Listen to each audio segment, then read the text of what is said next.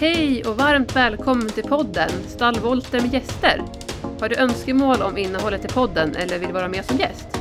Kontakta mig via Instagram och Facebook på Stallvolter. Och du hittar podden där poddar finns.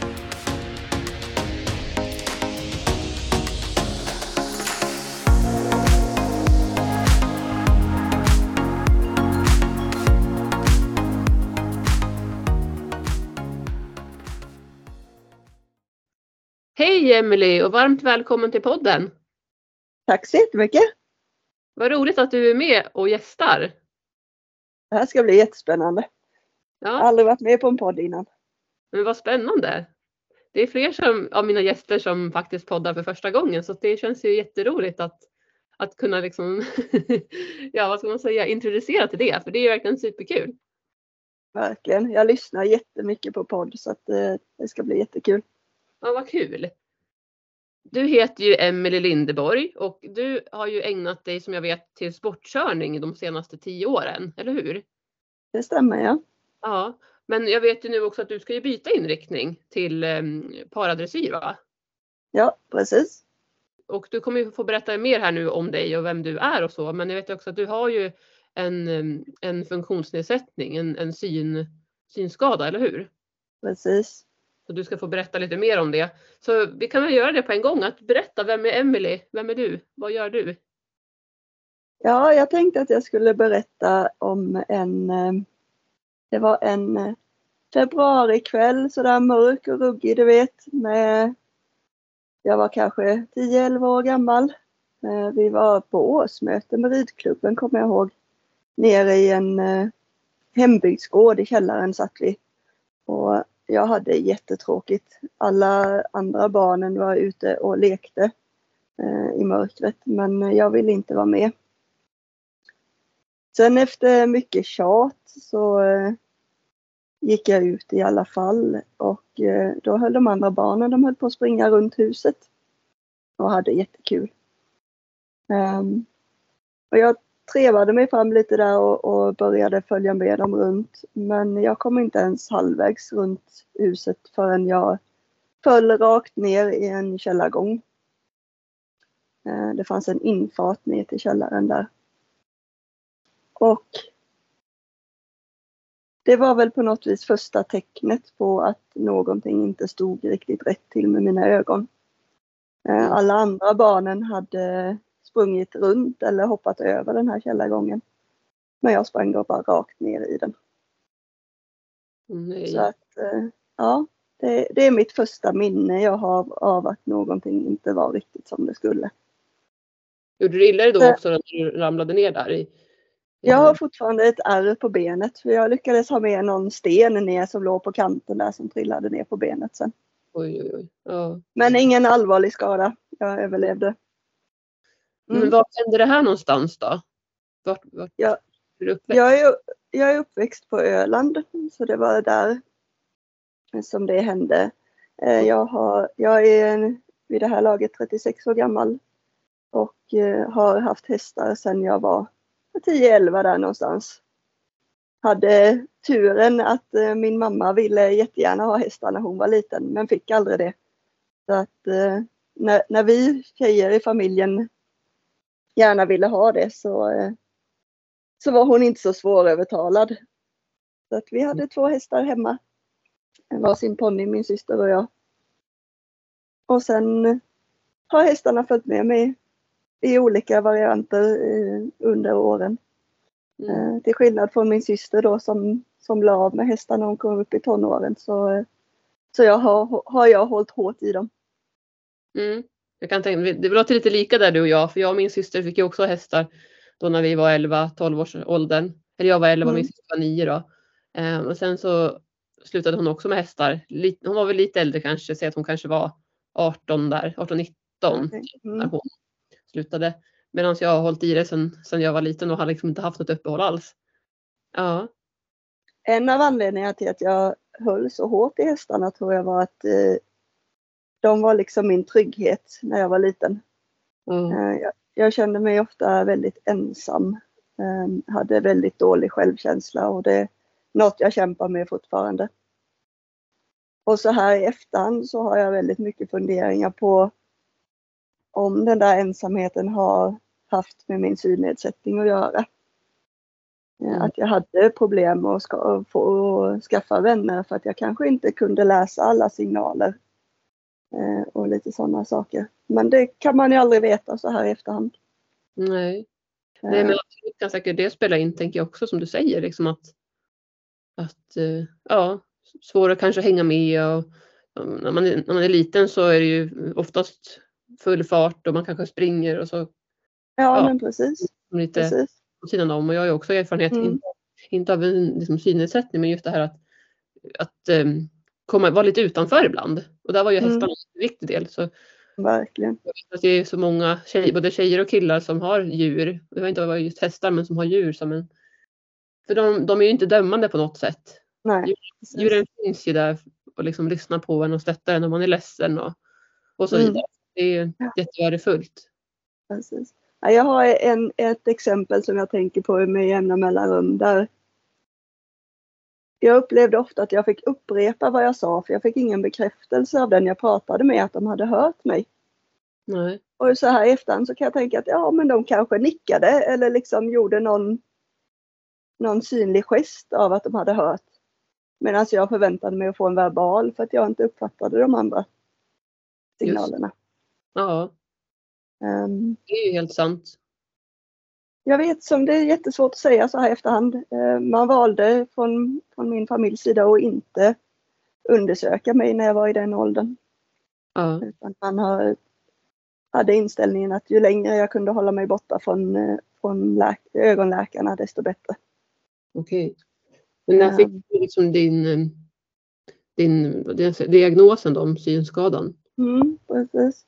När fick du det? Um, och då? Det fick jag hösten 2019. Eh, mm. var jag första gången hos ögonläkaren. Ja. Um, och uh, även om vi inte undersökte det tidigare så är jag på sätt och vis lite glad för det också för att det har gjort att jag har blivit väldigt självständig ja. Eh, och kunna klara mig själv. Eh, så att det är inget, inget, on, inget ont som inte har något gott med sig. Nej, så du kan verkligen eh. säga. Det ligger mycket i det. Mm, precis. Mm. Men som sagt 2019 så fick jag min diagnos och fick den bekräftad sen i början på 2020. Och jag upplevde ju att jag levde ett helt vanligt liv och jag såg väl som alla andra. För att jag har ju hittat sätt att, att eh, hantera att jag inte ser ordentligt. Mm. Um, så jag blev väldigt chockad framförallt över hur dåligt jag faktiskt såg. Uh, om man ska gå in lite på sjukdomen då så handlar det framförallt om att uh, synfältet är väldigt begränsat. Så att medan, mellan när man normalt har 180-190 grader synfält så ligger jag nu då på mellan 8 och 15 grader. Mm. Jag har ett väldigt tunnelseende. verkligen. Sen är hjärnan så häftig att den lägger ihop alla små, om jag tittar runt i ett rum så lägger den ihop alla små bitar som jag ser och jag upplever att jag ser hela rummet. Mm. Vad häftigt. Men jag, ja, det är jättehäftigt. Men grejen är att jag kan inte lita på det jag ser där. Så när jag är hemma själv, inga problem. Men så fort jag kommer i en miljö, på jobbet till exempel, eller ute på stan, där det är folk i rörelse, så kan de dyka upp från ingenstans. För att min hjärna såg alldeles nyss att det var ingen. Men så kommer de springande kors och tvärs. Mm. Så ja, det är lite spännande att jag har lyckats ta körkort och inte har eh, orsakat mer problem i trafiken än, än jag har gjort. Det har varit väldigt lite faktiskt. Så att, eh, mm. ja. Får jag fråga lite grann om det här liksom, mm. hur det har påverkat dig eftersom att du ändå fick, fick veta att din synnedsättning ganska så sent egentligen i ålder. Det måste ju vara vad blir det då, runt 30? Ja. Hur skulle du säga att det liksom har ja, alltså det var, det var det som var så häftigt. Jag blev väldigt lättad när jag fick min diagnos. Mm. Och det kan låta jättekonstigt. Um, nu, vet, nu är det här en genetisk sjukdom. Så jag vet ju att min pappa har det. Jag vet att min farmor har det. Min faster har det. vi räknade efter när jag skulle till läkaren och ungefär hälften av släktingarna har det. Mhm, Okej. Har de fått någon diagnos liksom så eller? Ja, de flesta har sin diagnos. De har det? Ja. Absolut. ja. Att det kändes som en lättnad. Det hade att göra med att jag har alltid upplevt att jag behöver jobba så hårt för att vara så duktig som möjligt. Typisk duktig flicka syndrom eh, person är. Och när jag nu då fick en diagnos som då visade sig vara ganska allvarlig i och med att jag så, har så pass begränsat med synfält. Så kände jag att nej, jag behöver inte leva upp till alla de här kraven. Jag har ett giltigt skäl till att inte vara perfekt. Mm. Och det var en jättelättnad. Det låter jätte, jätteskönt och vad bra att du liksom fick det. Alltså, som man brukar säga också, bättre sent än aldrig brukar man ju säga också. Det tycker jag är klyschigt men det är ju verkligen så liksom att ja, men om du förstås har, som du säger, många i släkten då, släktingarna, Mm. familjen som, som har samma funktionsnedsättning så, så är det ju, måste det varit som du säger väldigt skönt att få det där svart på vitt att ja, jag har också det liksom. Ja, precis. Och Jo, så- alltså man har, har ju haft det hängande över sig hela, hela uppväxten. I och med att jag s- vet att det finns i släkten, man har sett vissa symptom. Men sen har jag haft så mycket bra copingmekanism så att man ett tag så trodde vi att jag kanske hade klarat mig undan. Det är ändå bara 50-50 att man får det eller inte. ja. Um, Men eh, tydligen inte. Jag har bara lyckats eh, maskera det väldigt väl.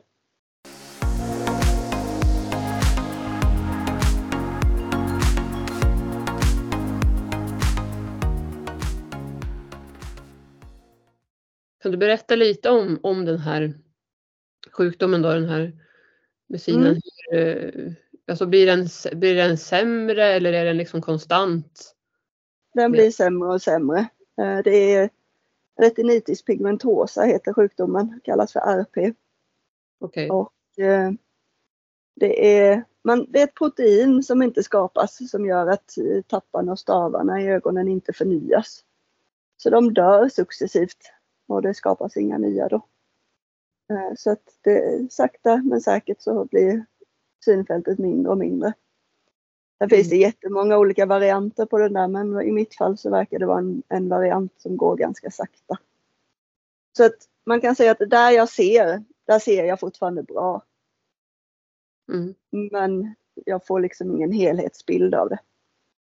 Så jag tänker på den här, när du berättade när du var, när du var 10-11 år där och, och trillade ner i den här källaren. Det handlar om en annan del av sjukdomen och det är att man tappar sitt mörkerseende. Okej. Så att eh, de, de, de bitarna av, av näthinnan som sköter mörkret, det är det första som försvinner. Så det brukar vara det första symptomet, att man ser dåligt i mörker. Och där har jag ju ingen reaktion alls i dem, kunde man ju se på undersökningar. Så att jag är det som kallas för nattblind.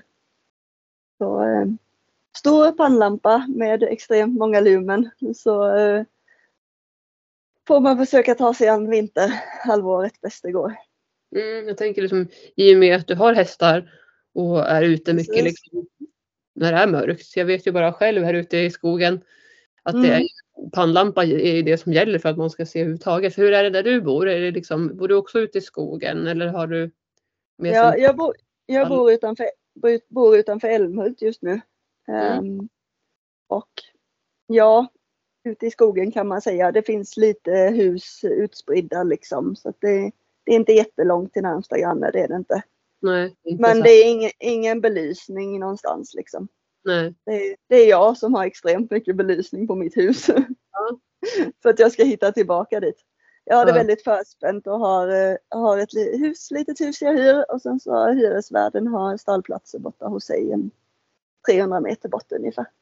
Jag brukar gena över en av hagarna så är jag där på ett kick. Vad bra. Mm, det är alldeles utmärkt. Ja, men det är det här också. så- Och som hästtjej man blir ju väldigt, man blir ju ganska självständig. Liksom. Man får ju lära sig Mm. det. Och jag tänker att det du säkert väldigt nytta av också. Så, eftersom att du också har haft häst sedan du var liten. Så har ju du har ju liksom blivit en del i din vardag tänker jag, eller hur? Mm. Ja, som sagt, men utan att, utan att jag tänker särskilt mycket på det så gör jag ju saker som, som hjälper mig helt enkelt. Mm. Eh, med, med min, min synsvårighet. Um, vad kan det vara? Saker som, som sagt, pannlampan är, är guld värd. Uh, jag har, försöker alltid lära mina hästar att de ska stoppa, grim, stoppa huvudet i grimman självmant. Så att jag slipper behöva leta efter dem i hagen. Mm. Uh, de flesta är väldigt duktiga på det faktiskt. Jag har valt mina hästar efter att uh, ha vita tecken i ansiktet. Mhm. Det var ett av mina, lite grann en slump, men när jag letade efter en ny ridhäst så hade jag det som ett, ett av mina önskemål. Ja. För jag tänkte att den blir lättare att se i mörkret då när det reflekterar mot det vita. Smart. Men nu har jag ju precis fått hem en ny häst här nu för ett par veckor sedan och han, har, han är brun utan några tecken överhuvudtaget. Ja. Så det, nej men det, det, inte- det funkar ändå faktiskt. Det, om inte annat så lyser ögonen på dem. Så lite reflexer på tecken och sådär så, så Mm. lyckas man se vad de är. Han är väldigt social också så han kommer gärna fram. Mm. Det jag vill fråga där också, de hästarna. Har du tänkt Mm. liksom, hästarna du har, är det väldigt lugna och trygga individer? Jag tänker också så att det är en risk ju med en synnedsättning med hästar eftersom att det är flyktdjur och om det plötsligt sker saker och du, och du inte har möjlighet att liksom kunna läsa av kanske alla signaler hos hästen och så. Hur har du Mm. tänkt? Har du tänkt liksom att hästarna ska vara väldigt lugna och trygga när du har skaffat dem eller är det någonting du har lärt dem eller fått hjälp med? Eller? Alltså det där har jag varit lite sådär orolig över, framförallt när jag är i hagen. Att de börjar stimma och jag råkar hamna i vägen. Mm. Men det har faktiskt bara hänt en endaste gång att de har råkat välta mig. Och den hästen är jätte om sig och kring sig med, med mig när jag är i hagen nu. Riktigt, han kände sig riktigt dum liksom. Jag försöker lära dem att har jag hand med en häst så får de andra hålla sig borta så länge liksom så att de inte börjar tjabba Ja. när jag är där. Eh, annars så är det saker som att, att hälla över högt över, över tråden istället för att gå in till dem och ge dem till exempel. Det är väl det som är det mest, mest kaosartade tillfället när de ska få hö. Precis. Det är en större risk då just vid det till- tillfället, liksom när de Ja, är i hagen och de kan gå egentligen vart de Mm. vill. någonstans. precis. Men eh, nej, de är väldigt snälla så annars. Annars så har jag ju valt lugna hästar av den anledningen till att det har varit körhästar. Det är ju en av de viktigaste egenskaperna för en körhäst kan jag tycka. Ehm, Jag har hållit på med sportkörning i tio år nämligen. Eh, Vi körde ett SM i somras som lite avslutning på karriären. Så jag har Mm. två kör, körponnyer här hemma just nu. Som eh, så småningom ska hitta sina nya hem.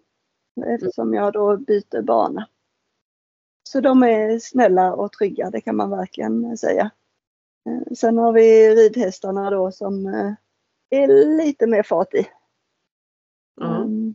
Skulle jag säga i hagen i en sån miljö så är det inga, inga konstigheter men det, det är lite mer nerv i de stora, absolut. Kan du berätta lite om hästarna då? Hur många hästar har du? För många. Just nu har jag fyra stycken. Ja. Ehm, det är de två uh, körponnyerna. Den ena heter Dicot Lightning Jack och den som jag framförallt har tävlat med. Mm. Eh, och jag drömde om att köra fyrspann när jag var, jag började min körkarriär. Då hade jag det som mål. Eh, så därför köpte senare också en parhäst till honom som heter Meranton William. Som är, de är spegelbilder av varandra nästan. Vad är det för ras på dem? Welsh ponny av cobb typ. Mm. Så det är en. C- C-ponnyer. Eh, lite grövre modell. Mm. Men som har Welshens fina karaktäristiska eh, gångarter.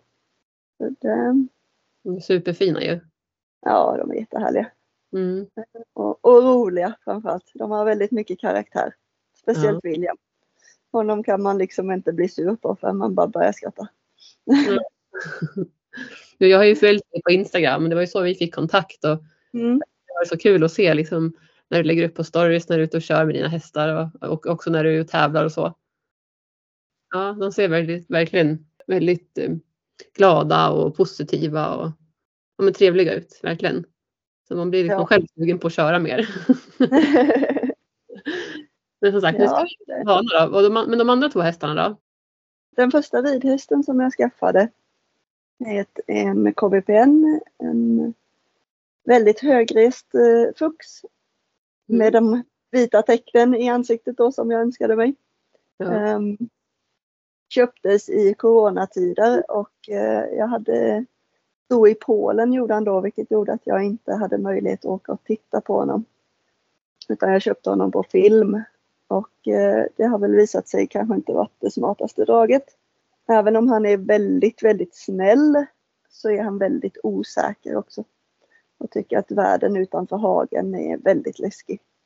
Så att eh, vi har haft en lång resa här under två år där vi inte kommit särskilt mycket framåt överhuvudtaget faktiskt. Vilket då gjorde att jag började fundera på ytterligare en stor häst att rida.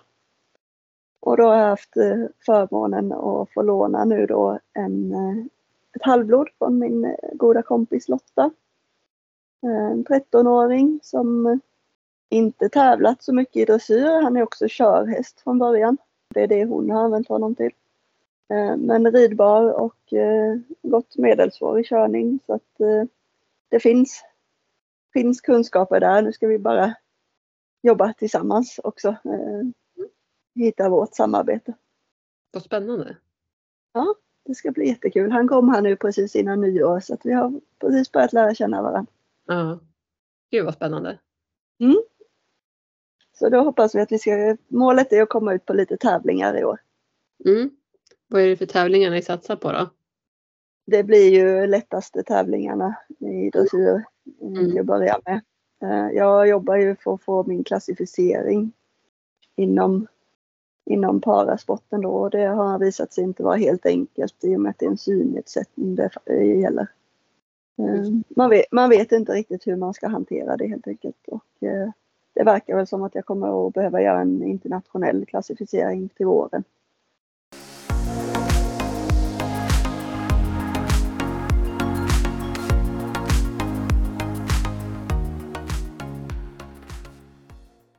Kan du berätta lite om det?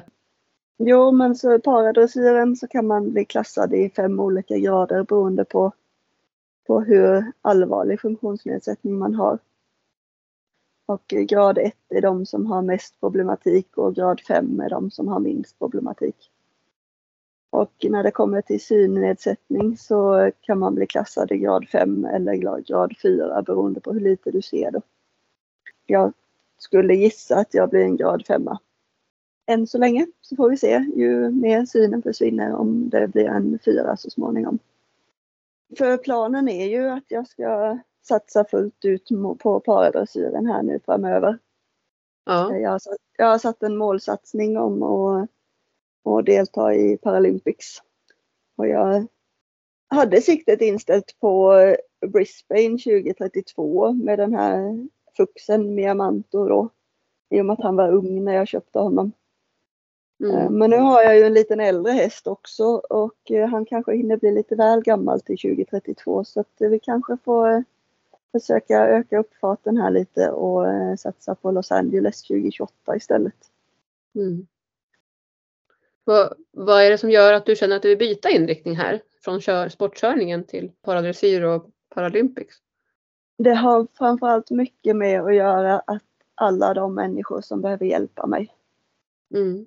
Jag hade ju som sagt körkort förut men det får jag ju inte använda längre nu då. I och med att jag ser för lite.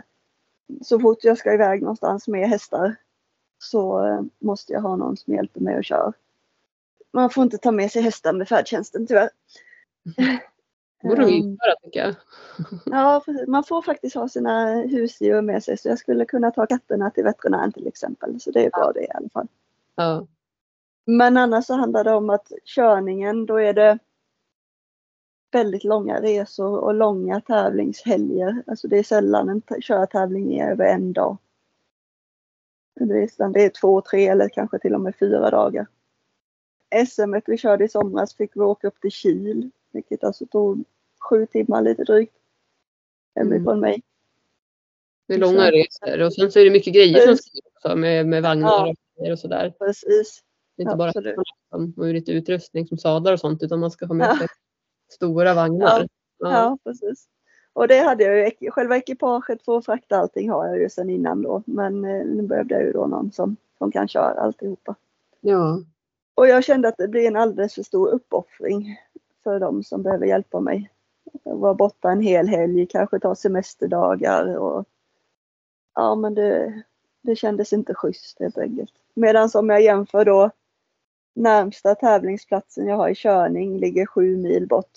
Och inom sju mil så har jag kanske ett 20-tal ridklubbar som man kan tävla dressyr på.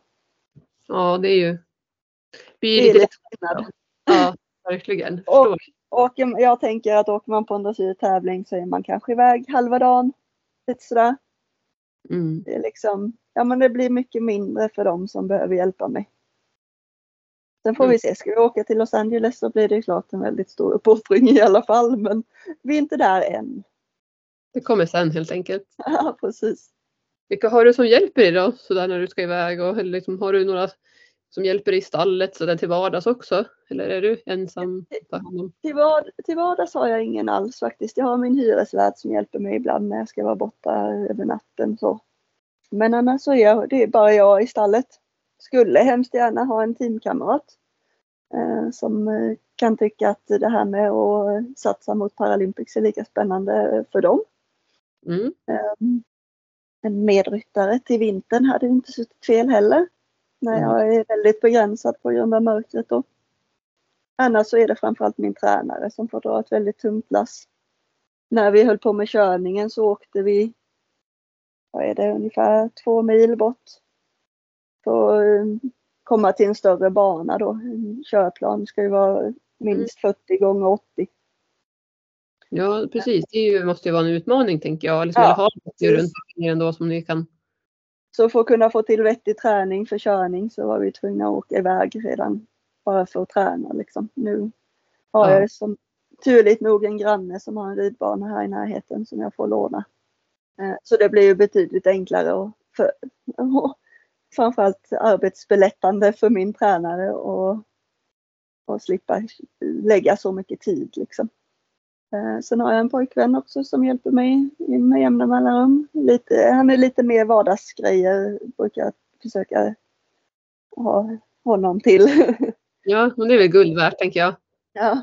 nu, är, nu är vi särbos så det är lite, lite mäckigt det också men det, det funkar i alla fall. Men, och någon gång ibland får han rycka in och, på en hästtävling också men det är inte Mm. det roligaste han vet. Nej. Nej, jag, jag känner igen det här hemifrån mig också. Min man är inte liksom jätteintresserad men sköter mycket liksom, eller mycket ska jag inte säga, men saker runt omkring sig där, där man behöver hjälp. Och framförallt om man blir sjuk och kanske inte kan man kanske Mm. behöver ligga och vila fast man har fått feber eller någonting. Liksom, då är man ja. Det är ju jätteguld värt att ha. För att det är ju just när man är själv och tar hand om hästarna och har stallet Mm. själv så är det ju mycket som ska fixas hela tiden. Nej, Mm. annars så har jag en, eh, två, tre personer också som, som ställer upp som chaufförer när vi ska iväg på tävlingar då. Ja. Tyvärr bor, bor ingen av dem sådär jättenära så att det, det blir lite omständigt även för dem. Men det är ju Ja. det som är viktigt att man har liksom sitt team och visst att det är Precis. utmaningar men ett team är ju så viktigt. Ja. Det får, får jag väl skicka ut en liten efterlysning nu då. Är det någon som är sugen så hör av er. Ja, perfekt. Annars så har jag ju ett team runt hästarna där det kommer till eh, hovslagare och fysioterapeut och sådana här saker. Mm. Eh, Jag har tur att ha min tränare som är, även är deras fysio då. Så att hon har ju stenkoll på hur de rör sig och hur träningen utvecklas och det, det är guld värt. Ja, gud vad bra. Ja. Och sen har jag en, en mentor också som är lite mer på det strategiska runt en sån här satsning. Jag hade turen att vinna ett, eh, ett enskilt samtal med Yogi Breisner Mhm. som är rådgivare på Svenska Olympiska Kommittén. Mm. Eh, Så där har jag fått väldigt mycket hjälp med hur jag ska lägga upp eh, hela satsningen. Liksom. Vi pratade om framförallt om hur man bryter ner mål till delmål och lite sådana här saker. Så om, om målet är Paralympics så behöver jag ju hinna göra ett VM och ett EM innan för att liksom eh, kvalificera mig till att eh, bli en av dem som, som förbundet tycker är, är värdig att representera Sverige. Mm. Så himla Mm. spännande att få- följa dig tycker jag det ska bli.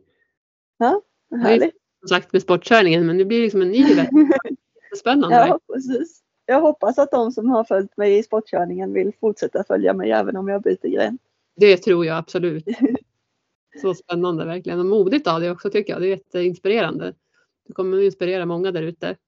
Men det, det är lite det jag, det, det är ju min, min stora ambition egentligen, det är ju att inspirera andra.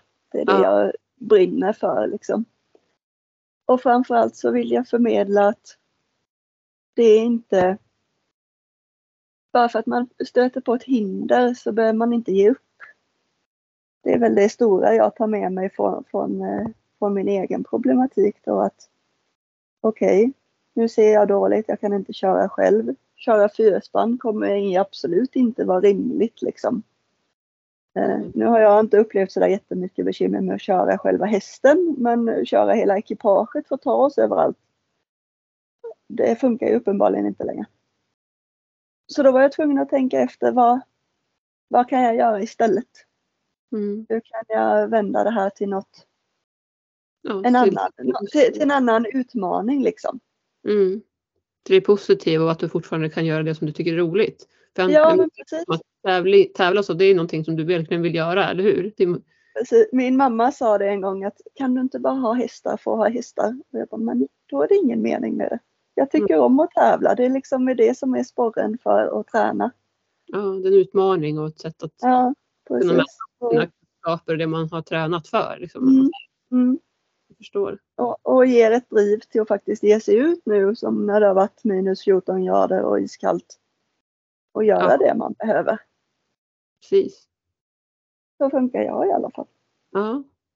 ja, men det är det som är så inspirerande att höra också för alla funkar lite olika och Mm, värderar lite olika saker och sådär. Och där är det så viktigt att man går utifrån vad man, vad man själv vill. Och det är det jag tycker liksom är så bra att du lyssnar på vad du vill och vad du, vad du behöver. mm, Och göra den här förändringen. För det är ändå en ganska stor förändring även om det handlar om att du fortsatt ägnar dig åt hästsport så är det ju en, annan, en helt annan gren, en helt annan, en helt annan Mm. satsning blir det liksom. precis. En superbra gjort. Mm. Spännande. Och det, och det har säkert hjälpt mig också i att hantera min diagnos. Ja, Att ha något, något att, att, att sträva mot liksom. Och inte se det. Jag ser det ju återigen som något positivt. Hade jag inte sett dåligt så hade jag aldrig kunnat göra en sån här satsning. nej men precis. Det hade inte ens varit på tapeten liksom. Så att eh, återigen något positivt av ju något negativt. Något annat som Yogi och jag diskuterade mycket var allting runt omkring själva hästarna. Det är inte bara att rida och, han, och eh, ta hand om hästarna utan eh, handlar ju även mycket om att driva en elitsatsning är lite som att driva ett företag. Det, man behöver framförallt väldigt mycket resurser för att, att kunna ro det i land. Så det har vi pratat mycket om hur man löser det ekonomiska och hur man eh, vänder sig till sponsorer och försöker nätverka och bygga en, ett varumärke runt sig själv. Så det är väl det jag försöker med. Du sa, sa ju att vi har, har träffats via Instagram och det är ju min, min huvudplattform för att sprida den resa jag vill göra och eh, försöka inspirera andra att nå sina mål också. Då. Ja, jag kan uppleva att det är väldigt mycket hysch-hysch runt hur, hur man ekonomiskt får, får det att gå runt, eh, framförallt på, på lite högre nivå. Eh, så jag försöker att liksom vara väldigt öppen hur, hur det faktiskt funkar. Som sagt, det, Mm. det handlar ju framförallt om att nätverka och vara en, en god reklampelare för företag ja, försöka inspirera så många som möjligt så att, eh, så att företagen känner att de kan ha nytta av dig. Det handlar framförallt väldigt mycket om att inte tigga om pengar utan att be om något i utbyte för en tjänst. Jag har ett samarbete där jag eh, i utbyte mot mat till mig själv får, eh, eh, lägger upp inlägg på deras Instagram en gång i veckan. och hålla deras konto aktivt. Då. Så man får försöka hitta lite vilka företag man känner att man vill jobba med. Um, hitta om de har några svagheter och se om det är något man själv kan hjälpa till med. Ibland är det bara tid de behöver, alltså att, de, att det är någon som, som hjälper dem med basic grejer. Det behöver inte vara något avancerat. Uh, men man frigör tid för dem och, satsa, och fokuserar på sitt företagande istället. Liksom. Men nätverkande och samarbete och sånt, det är ju, det är ju verkligen superviktigt. Och det är ju det för alla företag. Liksom. Utan ett nätverk så finns det liksom inget företag heller kan man egentligen se det som. Vare sig det gäller samarbetspartner och kunder och allt runt omkring. Så det, ja. så det är viktigt och som du säger, idag är ju det här med sociala medier idag ett väldigt bra sätt och väldigt viktigt att synas där eller finnas där. För att ja. syns man inte så finns man inte brukar man säga också. Nej, precis. precis. Mm. Sen är det en svår marknad för att det är väldigt många som vill synas. Mm, det är mycket konkurrens. Är det så liksom. Mm. Eller, konkurrens är väl också fel ord kan jag tycka. Men på ett sätt så är det väl lite så också att man, man eh, ja det är många som vill, som vill synas helt enkelt. Då. Ja precis. Men alla är man... unika i sitt slag så att eh, det är ju det. Precis. Man connectar ju med olika människor liksom. Mm. Ja för det är, det är det det går ut på. Att man får de genuina följarna. Mm. De som faktiskt verkligen är intresserade av det du publicerar. Ja, eller hur. Jag har en annan tanke förutom sponsorer också. Och det är att jag vill inte vara för beroende av dem i min satsning. Så att jag har börjat lite smått med eh, lite företagande på egen hand där jag har lite produkter för hästverksamhet som, som jag skulle vilja göra verklighet av. Mm. Men det är också en svår bana att ge sig in på. Mm. Du har berättat för mig lite grann om det tidigare. Mm. Det handlar om en ny typ av nummerlapp bland annat för att jag tycker att de enkla som finns idag de går sönder så väldigt lätt. Eh, och sen så var det, det var en kommentar någonstans jag läste när diskussionen om eh, dressyrens hatt vara eller inte vara var på tapeten. Eh, där någon ifrågasatte varför alla dessa kvinnor rider runt i kläder för män från 1800-talet typ. Mm. Det vill säga fracken. Och man uppskattar att 75 procent av dressyrryttare idag är kvinnor. Så det är jättekonstigt att vi rider runt i, i herrkläder tycker jag. Ja. Så jag har, mm, håller på och försöker ta fram en kollektion med dressyrkläder för kvinnor med en, en kvinnligt snitt helt enkelt. Jag har inspirerats av brittiska kungahuset för att fortfarande ha den här elegansen som dressyren ändå står för. Men som sagt skippa de här typiska manliga dragen med, med slag och, och dubbelknäppt och lite sådär. Få in lite mer feminina toner. Mm. Så det, ja, det är en dröm och se om det kan bli något av det. Har du, liksom, har du ägnat dig åt sömnad och sådana saker? Jag syr rätt mycket av mina egna kläder. Ja. Um, när, när andan faller på ska jag väl säga. Det är när vinterhalvåret är det, när det inte blir så många timmar ute i stallet. Då blir det mer vid symaskinen. Mm. Vad kul också att kunna få, få liksom, väva in din hobby lite i det också då. Mm, verkligen. Liksom. Mm. Sen jobbar jag ju dagligen med produktutveckling så att det är en ganska naturlig Ja, just det. Inst eh, övergång dit. Mm.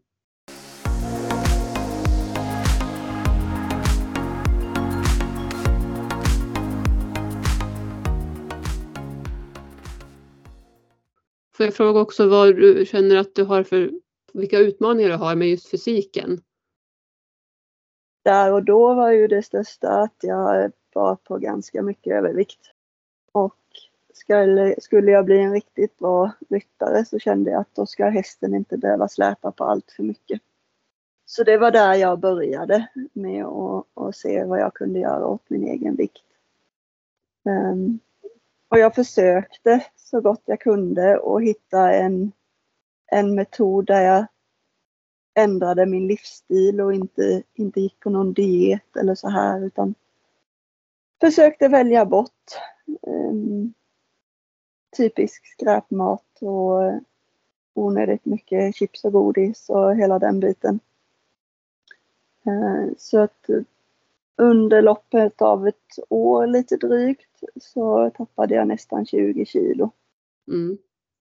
Sen har det varit, sen, har, sen kom den stora utmaningen att hålla vikten och det, det går lite sådär. Det har gått lite upp igen men eh, det håller på att gå ner igen lite grann igen så att eh, ja. Det, det är en ständig, ständig kamp det där. Ja, det är inte lätt och det där är också så olika olika för alla och då återigen, man ja, är olika individer. Och... och väldigt känsligt också. Det är... Mm. Men eh, jag, jag brukar försöka poängtera att jag, jag gick ner i vikt för att jag ville göra en elitsatsning. Inte för att jag ville se snygg ut eller något annat ytligt liksom, utan det är en del på resan. Ja, men där säger du någonting jätteviktigt. Det här att oavsett om det handlar om att man ska komma igång med träning eller äta hälsosamt eller vad det nu kan vara så, så är det viktigt att man känner att man gör det för Alltså att man hittar varför man ska göra det. Mm. Till exempel en träningsform som man tycker är rolig. Som till exempel om man inte gillar ut och springa men då kanske man inte ska välja det. Då kan man välja någonting annat som till exempel ridning eller vad det nu kan vara. det där hade jag också jättesvårt med i början för att jag tyckte bara ridning var ju det enda som var roligt liksom. Eller körning. Ja. Men jag insåg ju också att om jag ska bli en duktig ryttare så måste jag gå till gymmet. Mm. Jag sitter på ett kontor hela dagarna. Jag har den typiska kontor, kontorshållningen, lite lätt framåt sjunken och väldigt spända höftböjare till exempel. Mm. Så att eh, jag lyckades få en PT där även för mig själv. Um, jag har provat några stycken innan men jag, jag, jag går inte igång på det här med att de ska jaga på en. Och, och man ska kämpa och det liksom. Um, men han hade väldigt bra förståelse för att jag behövde mjukstarta. Mm. Jag behövde bara hitta att ta mig till gymmet. Göra väldigt lätta övningar. Jag, jag kan inte ens påstå att jag blev trött av dem efteråt liksom. Men jag gjorde dem. Och jag kunde gå därifrån och känna okej, okay, det var väl ändå okej. Okay. Det var inte skittråkigt liksom. Och mm. successivt så har det liksom byggts upp till att jag, jag börjar kämpa mer och mer och även, även små lätta repetitioner gör att man så småningom kan öka vikterna. Mm. Det där är viktigt att titta ja. på individen, liksom, att man, man går ifrån, utifrån individen för att om man, ska, om man pushar sig för mycket utöver sin gräns i början då blir det bara jobb, alltså, då blir det så jobbigt mm. och då är det lättare att lägga ner för att nej men det här var inte roligt. Man, och, även om det inte handlar om att man ska känna sig bäst och, och duktig och så här så, så är det ju ändå en, en, ja, en självkänsla och mm. självförtroende just, av att göra av det man ska göra. Just det här att det här är inte roligt, den känslan har jag haft så många gånger. Ja. Men då vet jag att jag har ett väldigt kort pass det får vara okej okay att det inte är roligt just nu. Nej, det behöver inte vara den här timmen liksom man ska prestera sten. Nej, precis. Nej, precis. Och inte drypa av svett nödvändigtvis när man går därifrån. Liksom. Mm. Medan för någon annan så kanske det är en jättebra grej. Ja, alltså, precis. Det är ju verkligen Väldigt många går igång på det. Ja. Nej. Men det var inte min grej. Sen fick jag en del övningar med fria vikter. Vilket också gjorde att när jag satt där med dem framför spegeln. Jag skulle bland annat lyfta upp dem över axlarna till exempel. Så kunde jag få se och utmanade mig själv till att ha dem så symmetriskt som möjligt. Mm. Så det var återigen inte det här klassiska upp och ner så fort som möjligt och en jäkla massa reps liksom. Utan sakta och metodiskt så försökte jag få dem så symmetriska som möjligt. För att det kommer hjälpa mig när jag sitter i sadeln. Ja, där ser jag också något jätteviktigt. Hitta symmetri och hitta mm. kroppskontroll och liksom och det gjorde att det blev mycket lättare att acceptera att jag behövde göra de där tråkiga övningarna på gymmet. Liksom. Ja. Jag fick kopplingen till ridningen. Ja, att det här gör jag för att det ska hjälpa mig mm. med ridningen. Och jag kan ge exempel att jag känner igen mig också i det.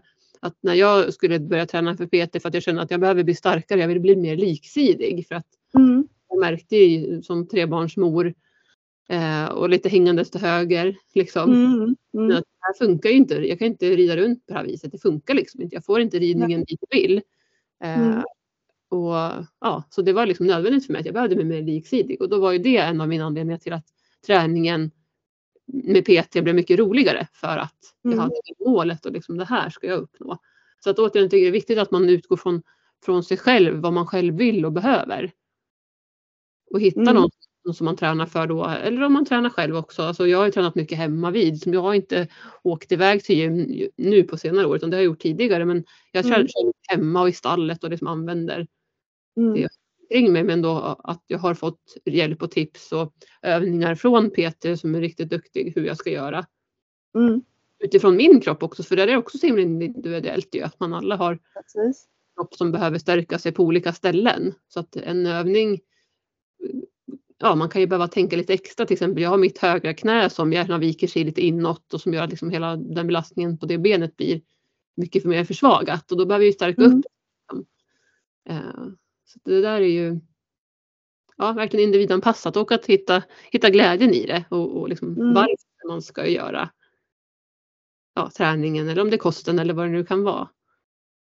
Precis. Då blir det lättare. Ja, vad kul att höra att du att du har, Ja, man, man får hitta vad som funkar för sig själv. ja men verkligen. Absolut. Ja, sen är det ju själva ridningen som jag behöver bli bättre på då. Eh, och det även om jag hänger på gymmet så blir jag inte måste jag ändå även hänga i sadeln. Och det har ju varit lite utmanande då med, med Mio som han kallas. Som tycker världen är väldigt läskig.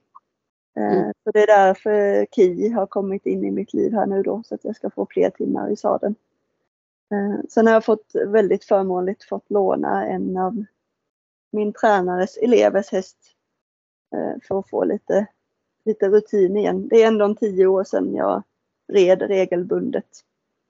Mm. Jag tänkte jag skulle fråga dig hur länge sedan det var du red och så eftersom att det är körning du har ägnat dig åt de senaste tio åren. Precis. Ja. Sen är det väldigt mycket likheter med körningen. eh, Med vad man, vad man vill att, att hästen ska prestera. Liksom. Mm. Ehm, Men att få använda sina ben igen känns lite ovan, ovant. Eh, Ja. Och även sitsen då. Eh, Mm. Vi tränar ju enligt vad eh, som kallas för en fransk klassisk stil. eh, Där det är väldigt lätta hjälper. Så att eh, jag har ganska mycket att lära där igen. Och det är lite, lite annorlunda än vad jag lärde mig en gång i tiden på ridskolan. Så att eh, det är inte helt tokigt att ha haft ett avbrott heller. Och kunna lära om. Nej, men, ja, det kan jag tänka mig faktiskt att det är. För att ska man tvärt switcha Mm. för mig själv som har liksom ridit ja, men ridskoleridning och sen så ändra till akademisk ridning. Det var ju verkligen som att bara från en dag till en annan bara nej nu ska jag rida så här istället. Liksom. Ja, precis. det var väldigt så det var verkligen en utmaning. Men Och det är så lätt att falla tillbaka i sina mönster. Ja men det är ju det. Gud vad vi har kämpat. Och jag kan tänka mig att det är säkert samma för dig med liksom, men då är det ändå som du säger säkert bra med det här uppehållet som du har haft då. Men visst, det sitter ju liksom in, ändå i, i ryggmärgen när man, när man har lärt sig rida och jag tänker att det är väl lika med körning också liksom. Att man har man gång lärt sig så sitter det ju liksom. Och, Det har jag ju haft fördelen att jag har ju tränat för min tränare även i körningen. Så att vi har ju haft den här franska stilen väldigt länge nu. ja, Så vi har tränat ihop i sju år. Så att eh, Ja men eh, jag, jag blir sådär ibland så aha, men så brukar jag göra i körningen, det här känner jag igen. mm. Mm, vad Så, att, spännande. eh, så det finns lite där att- plocka upp i alla fall. Men det måste ju ändå vara värdefullt då att kunna fortsätta träna för samma tränare. Mm, verkligen. De lär känna en ny tränare och så ska, ni ska lära känna varandra Mm. liksom, om ekipage. Ja. Mm. Hon, är, hon är ju en ridtränare i första hand så att det är ju körningen som har varit lite udda.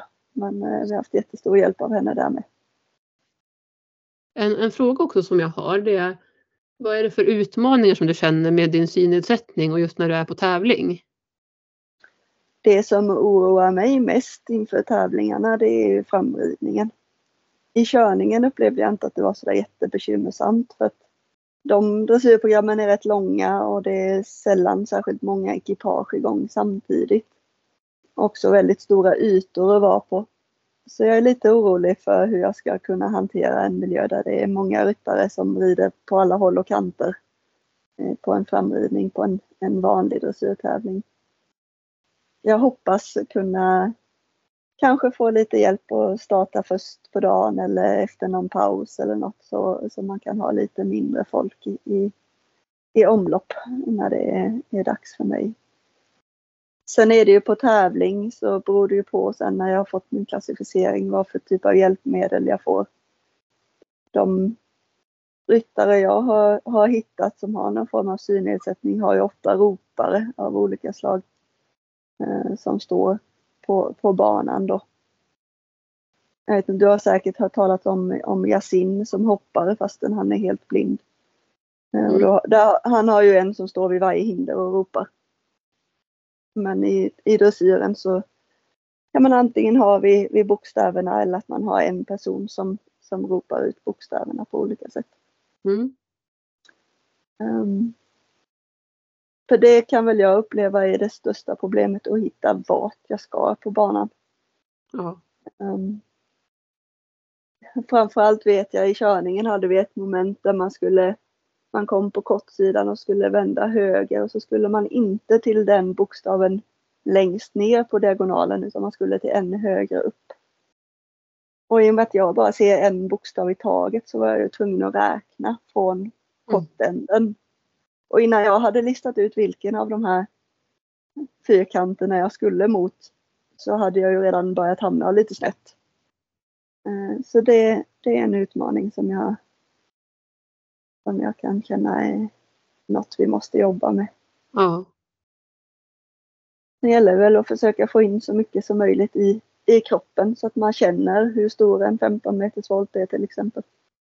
Så att, eh, ja, det, vi har lite att jobba med med ridningen fortfarande. Mm.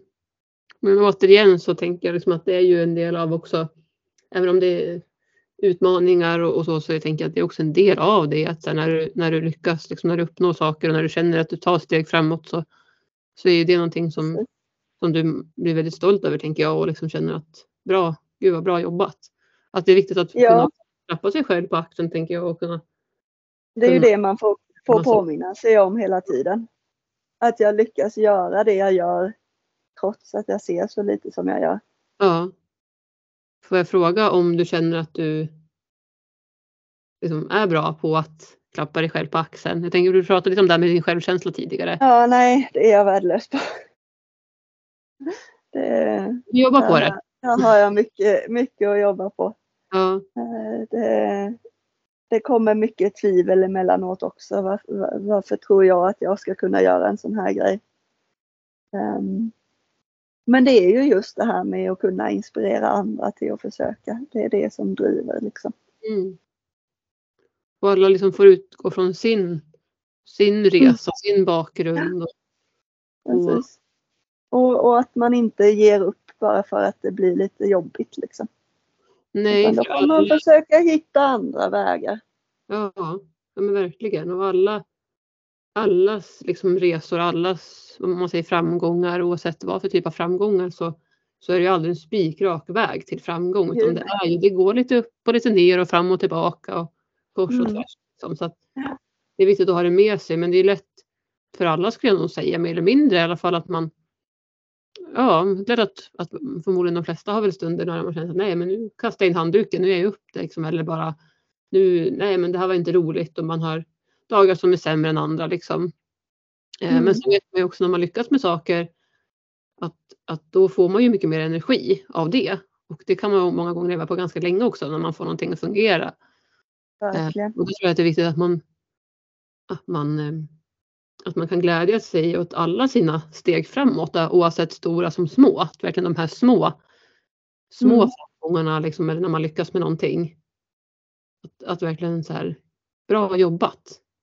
Ja, precis. Att man kan unna sig det, liksom att, att man är värd att, mm. att lyckas. Att man är värd framgång oavsett ja, hur stort ja. det är. Den får jag fortsätta jobba på. Ja, Mm. det fixar du.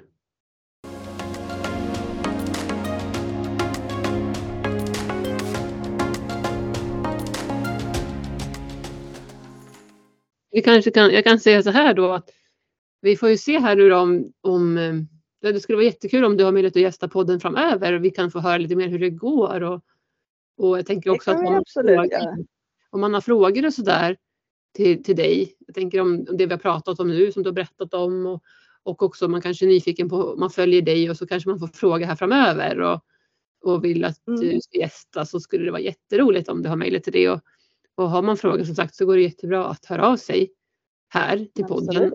Sen så också hur kommer man i kontakt med dig om man vill eh, ja, ställa frågor eller bara vill följa dig? Ja, jag har ju Instagram är ju som sagt min, min huvudplattform och där finns jag under namnet Exa Equestrian. Ehm, kan vara lite svårt att stava till ibland men det går alldeles utmärkt att söka på mitt namn också, Emelie Lindeborg, så brukar man hitta rätt. Jag kan dela det också här i, i de sociala kanalerna och på poddavsnittet här så hittar man dig också då. Alla Eh. Så tusen tack Emelie för att du har berättat om, om din bakgrund och din satsning här nu och allting som du har delat med dig av så fint. Tack snälla för att jag fick vara med. Ja, tack. Så då säger vi så för, för nu. Så hörs vi nog framöver. Ha det bra. Ja. Lycka till. Hej då. Tack. Hej!